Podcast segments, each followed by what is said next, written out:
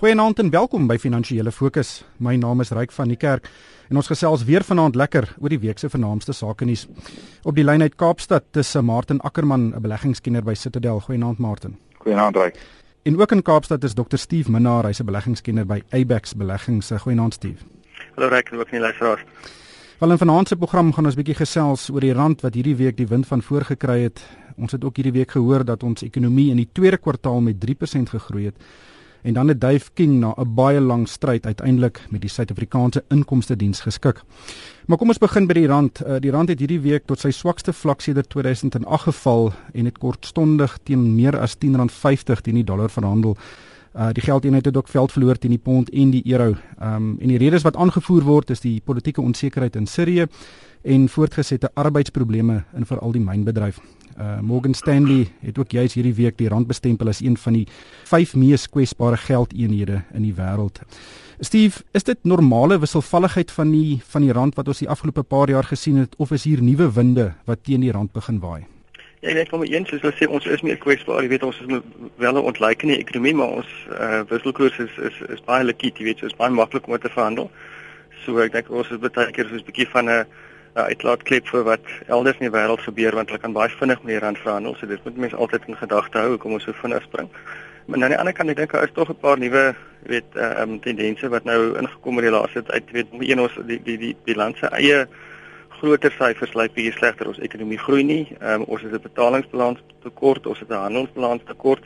Met ander woorde, weet as mense dit ook dan vir oorveel eenvoudig daar's nie genoeg ouens wat rande soek nie en daar's te veel ouens wat dollars soek, weet in in terme van wat hulle moet, moet verhandel op die mark en as daar meer kopers as verkopers is, dan weet jy mos mos nou waar die prys gaan.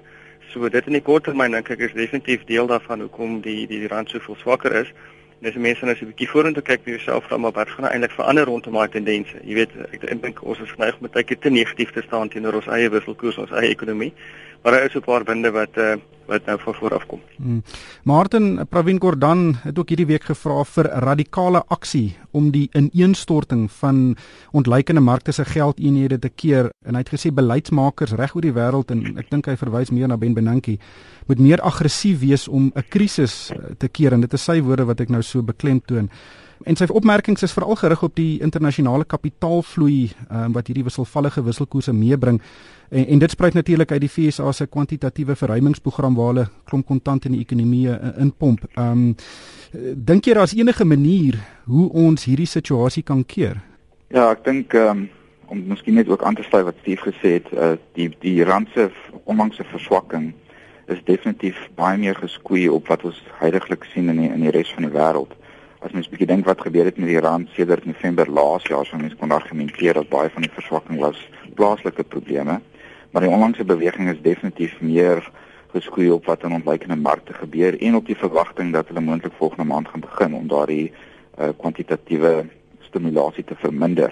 So ek dink wat uh, die minister probeer sê het was om dat die impak op die oomblik is op alle ontleikende markte en ons weet gewoonlik wanneer ontleikende markte se uh, wisselkoerse swak uh, swakker begin doen of daar is 'n groot afverkoop soos wat ons beleef vir die afgelope tyd veral in plekke soos Indië nog meer as in Suid-Afrika, dan kan dit aanleiding gee tot tot moontlike krisisse in daardie uh, dele van die wêreld veral met lande soos soos ons wat uh, groot tekorte het en waar ons nogal taamlik afhanklik is van kapitale invloeye om om ons ons tekorte te finansier.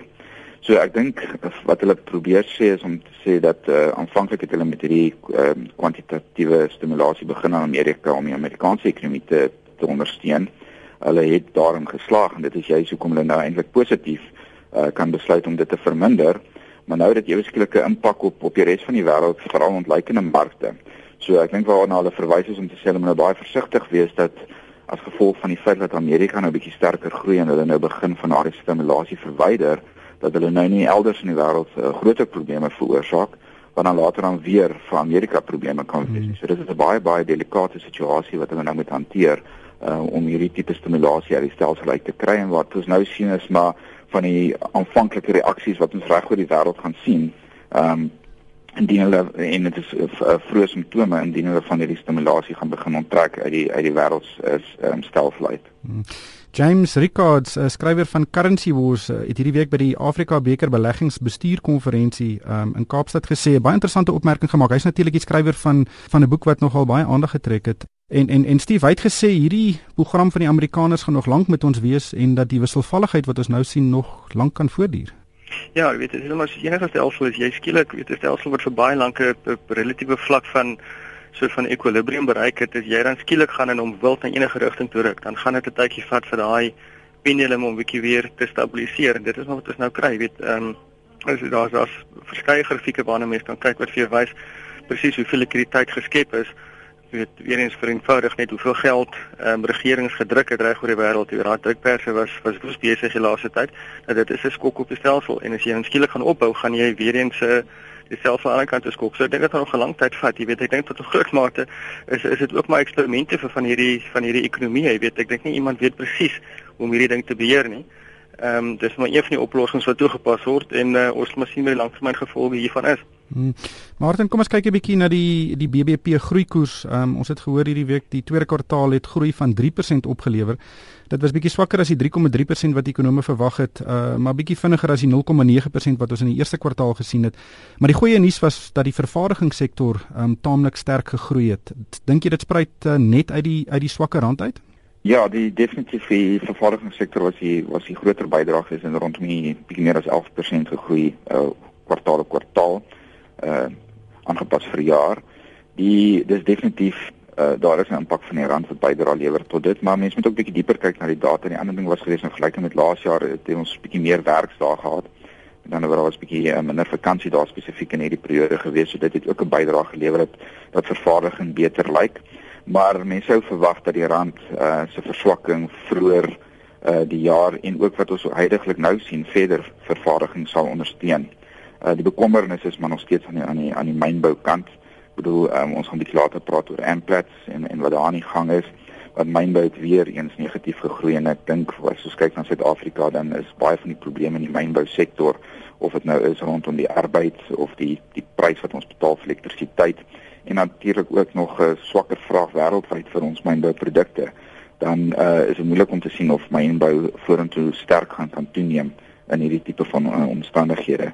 So op hierdie stadium ja, die groei syfer lyk beter, is bietjie onder verwagting, maar ek dink as mens bietjie dieper delf, dan gee dit vir ons nog steeds 'n aanduiding dat ons teen teen hierdie jaar ag net so rondom 2 gaan groei. Ek dink uh, daar daar is definitief uh, winde van voor wat ons moontlik onder 2% kan druk. Uh, maar ek dink ons kan baie veel meer verwag as 2% groei vir die jaar in terme van die van die uh, uitdagings wat ons in ons plaaslike ekonomie op hierdie stadium moet hmm. hanteer en natuurlik ook nog waar die wêreldekonomie is en en hulle aansienlike vraag vir die tipe van grondstof wat ons produseer. Hmm. Steve, jou indrukke? Ja, nee, nee, Martin het goed opgesom. Daai weet ek net om dit dit miskien te koppel aan die aan die rand, jy weet ek moet almal van ons het hier so en ons raak nou heel depressief hoe die rand van nou skielik so vinnig geval het. Aan die ander kant weet jy ons het die voordeel as ons op vergelyk met wat in Europa aangaan, waar waar daai ekonomie nie die voordeel het dat hulle met 'n wisselkoers hulle ekonomie meer of minder kompetitief kan maak net ten minste in Suid-Afrika het ons daai voordeel ons het 'n wisselkoers wat op die ouend as 'n uitlaatklep kan kan funksioneer. Jy weet so swakker die rand word skielik is ons weer baie meer aantreklik vir buitelanders wat wil op vakansie of mense wat hier wil belê. Jy weet so daar daar is daarom so so silwerrandjie op die wolk ook en hooplik sal van hierdie buitebeleggings weer inkom en uh, en ekonomiese aktiwiteit stimuleer wat hooplik 'n groeikoers gaan optrek want 2% groei per jaar gaan ons nêrens bring. Mm.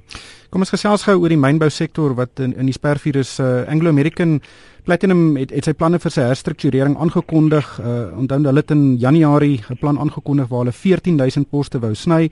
Daartoe 'n geweldige bekgeveg tussen Susan Chabangu die minister van mynbou en Chris Griffiths uh, uitgebreek. Uh, was 'n baie openbare bekgeveg. Uh, hulle toe teruggegaan na die tekenbord en nou het hulle aangekondig hulle gaan nie 3300 poste sny. Uh, Steve, uh, daai 3300 kan dalk bietjie misleidend wees. Ja, ek weet uh, jy weet ek dink is maar 'n bietjie bietjie van 'n politieke storie hierdie. So, ek dink as jy 1000 ouens wil sny, dan is dit nie die eerste syfer wat jy wat jy aankondig nie, jy kondig meer aan en jy jy skryf 'n bietjie agteruit en jy jy laat dit lyk asof jy weet ehm um, die ander party bietjie beter dat lyk dit. En daai syfer van 14000, ek weet nie presiese weet ehm um, detail onder dit nie, maar net vir ons verstaan, weet as 'n ou moet bylas by die 3300 wat hy nou aangekondig het. Daar's 1500 wat reeds vrywillige afdankingspakkette aanvaar het. 500 wat hulle sê wat ander ehm um, soort van geleenthede gryp wat ons aan en by drie groepe is. 1600 word elders gebruik Dan het hulle destyds gesê wat weet van daai 14000 was 1200 kontrakteurs wat hulle net nie kontrakte gaan hernie nie. Daar's 1000 vakante poste wat hulle net nie gaan vul nie. Hulle het net 950 bestuursposte um, wat hulle ook na kyk en dis nie noodwendig noodwendig alles deel van 'n van 'n afdankingsproses nie. So tel jy hierdie bymekaar op en kom jy vinnig by 10000 poste uit. Hmm. Ehm um, so ek dink die 3300 is miskien die die finale syfer van mense wat jy 'n ongelukkige weet so van 'n brief in die hand moet stop en sê jy gaan nou afgedank word nie deel van 'n vrywillige of 'n ander jy weet herstruktureringsproses nie. Maar ehm um, so ek dink die vir ons as 'n belegger potensiële belegger in Anglo Platinum beteken dit daar's wel groter koste wat hulle kan sny as net die 3300 wat jy nou op die op die op die opskrif sien. En ek dink aan die ander kant het laat hulle 'n bietjie beter lyk like in terme van hulle onderhandelinge met met die regering. Uh, die tyd haal ons 'n bietjie in. Uh, Martin, ons het hierdie week verskeie groot maatskappye gesien wat resultate aangekondig het, maar daar's vir my 'n tendens wat besig is om te ontstaan en en dit is as maatskappye markverwagtinge klop, dan spring die aandelepryse om met 'n hele paar persent. Ehm um, maar as jy swakker as verwag vaar, dan straf daai mark vir jou uh, ordentlik. Wat was jou indrukke van hierdie week se winssyfers? Nou, ek dink miskien net om terug te kom by daai gedrag, dit is uh ongelukkig uh is dit die gedrag wat gekweek word die afgelope paar jare met die feit dat mense al meer en meer fokus op korttermyn opbrengste uh of korttermyn winsnommers. Ehm um, en as gevolg daarvan is dit die rede hoekom die mark so reageer. So as iemand 'n verwagting het en die maatskappy kom bietjie onder verwagtinge en dan sal hulle teen teen in die mark of die maatskappy um bietjie straf daarvoor en aan die ander kant ook, jy weet as hulle net bietjie beter doen dan dan is hulle bereid om um, groot groot ondersteuning te gee vir daardie tipe maatskappy. Ek dink die winssyfers wat op die oomblik uitkom om om om eerlik te wees, ek dink baie van dit lyk beter as wat mense sou verwag het.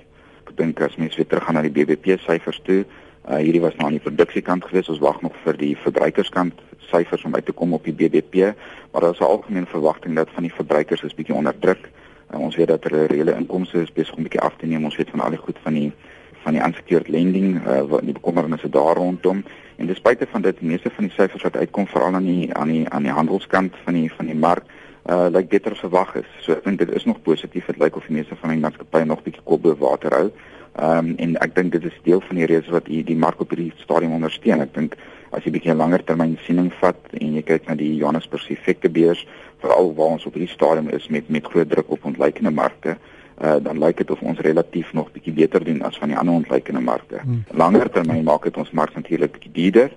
Ehm um, so as mens 'n langer termyn siening wil vat, sou mens sekerlik wil sê iewers moet mens bietjie begin wins vat en begin kyk na ander geleenthede reg oor die wêreld en sluit in 'n ander ontleikende markte. Steve Ja, nee, ek dink dit is 'n ongelukkige asimetriese reaksie. Soos jy sê, weet as jy swakker doen, word jy baie harder geslaan as wat jy weet uh, beloon word as jy beter doen. Maar dit is binne 'n omgewing van markverwagtinge wat konstant weet afgewater word en teruggetrek word. As ons net kyk oor die, die mark as 'n geheel oor die laaste 4 weke, weet effe syfers ons dophou. Almal is besig om hulle winssyfers terug te trek, terug te trek, terug te trek. Jy weet, so ek dink die ouens is klaar met 'n tipe van 'n konservatiewe negatiewe by, jy weet, en as jy dan nog swakker doen as die syfers wat reeds afwaarts aangepas is, dan uh, dan word jy ongelukkig hard gestraf. So maar dit is maar 'n faktor van waar ons ekonomie op hierdie stadium is en waar die markte se winste staan. Jy weet, so ek dink dit is dis dis moeilik. Maatskappye moet hard werk vir hulle wins. En ehm um, jy weet dit ongelukkig het jy daai korttermyn reaksie, maar dit skep hier geleenthede vir vir vir beleggers ook, jy weet, ehm um, as 'n ding onnodig ehm um, alwaar aangepas word in terme van die aandeleprys dan is dit 'n gekoop geleentheid. Ja, Discovery het hierdie week eh, in 2 dae nadat hy uh, winswaarskuwing uitgesê sy winste gaan heelwat laer wees. Uh ek gedink dink net met 10% styg, het sy aandeleprys in 2 dae met 16% geval. Jy weet as jy weet gelukkig was om 'n aandeel te hou op op op 96 rand, dan gaan jy mos nou baie gelukkiger wees om op te tel teen laerslakke. Hmm. Net laastens uh Dave King het hierdie week geskik met die Suid-Afrikaanse Inkomste Diens en dit beëindig 'n jarelange geding. Uh die Inkomste Diens wou aanvanklik 2,7 miljard rand se belastings en boete en rente by hom gehad het en uh, hulle het geskik op 700 miljoen rand of net meer as 700 miljoen rand. Uh Martin, dit is 'n uh, interessante skikking en dit wys werklik weer eens dat die jy moenie eintlik moeilikheid soek met die ontvanger nie. Ja, ek dink die Bybel sê betaal die keiser wat hom toekom. So ek dink dit is 'n duidelike uh, uh, boodskap vir ons almal om om dat die deel wat uh, betaal moet word te betaal. Wat wel interessant was, ek bedoel dis 'n ding wat 'n lang pad kom hierdie. Ehm um, en mens kan nou gesels oor die bietjie meer as 700 wat hy moet betaal. Uh, en dit is die oorsprong was maar basies oor 'n tipe van 'n besigheidstransaksie en die winste of die verkope daarvan wat in 'n maatskappy geplaas wat geplaas was in in Guernsey, een van die uh, Britse eilande. Uh en dit wys ons net weer eens dat die Suid-Afrikaanse ontvanger het goeie kontakte ook met wêreldwye belastings uh jurisdiksies en ek weet ons het 'n ooreenkoms natuurlik met Brittanje. Ehm um, en daar's ook, jy weet nou wat gebeur het in 2008, dit is nie net in Brittanje maar ook in Amerika is daar baie druk veral wat hulle hierdie belastingbesparings eilande as mens dit so kan sê waar mens uh, moontlik belasting kan uh, vermy uh, nie noodwendig ontduik nie om om meer uh, deursigtig te wees.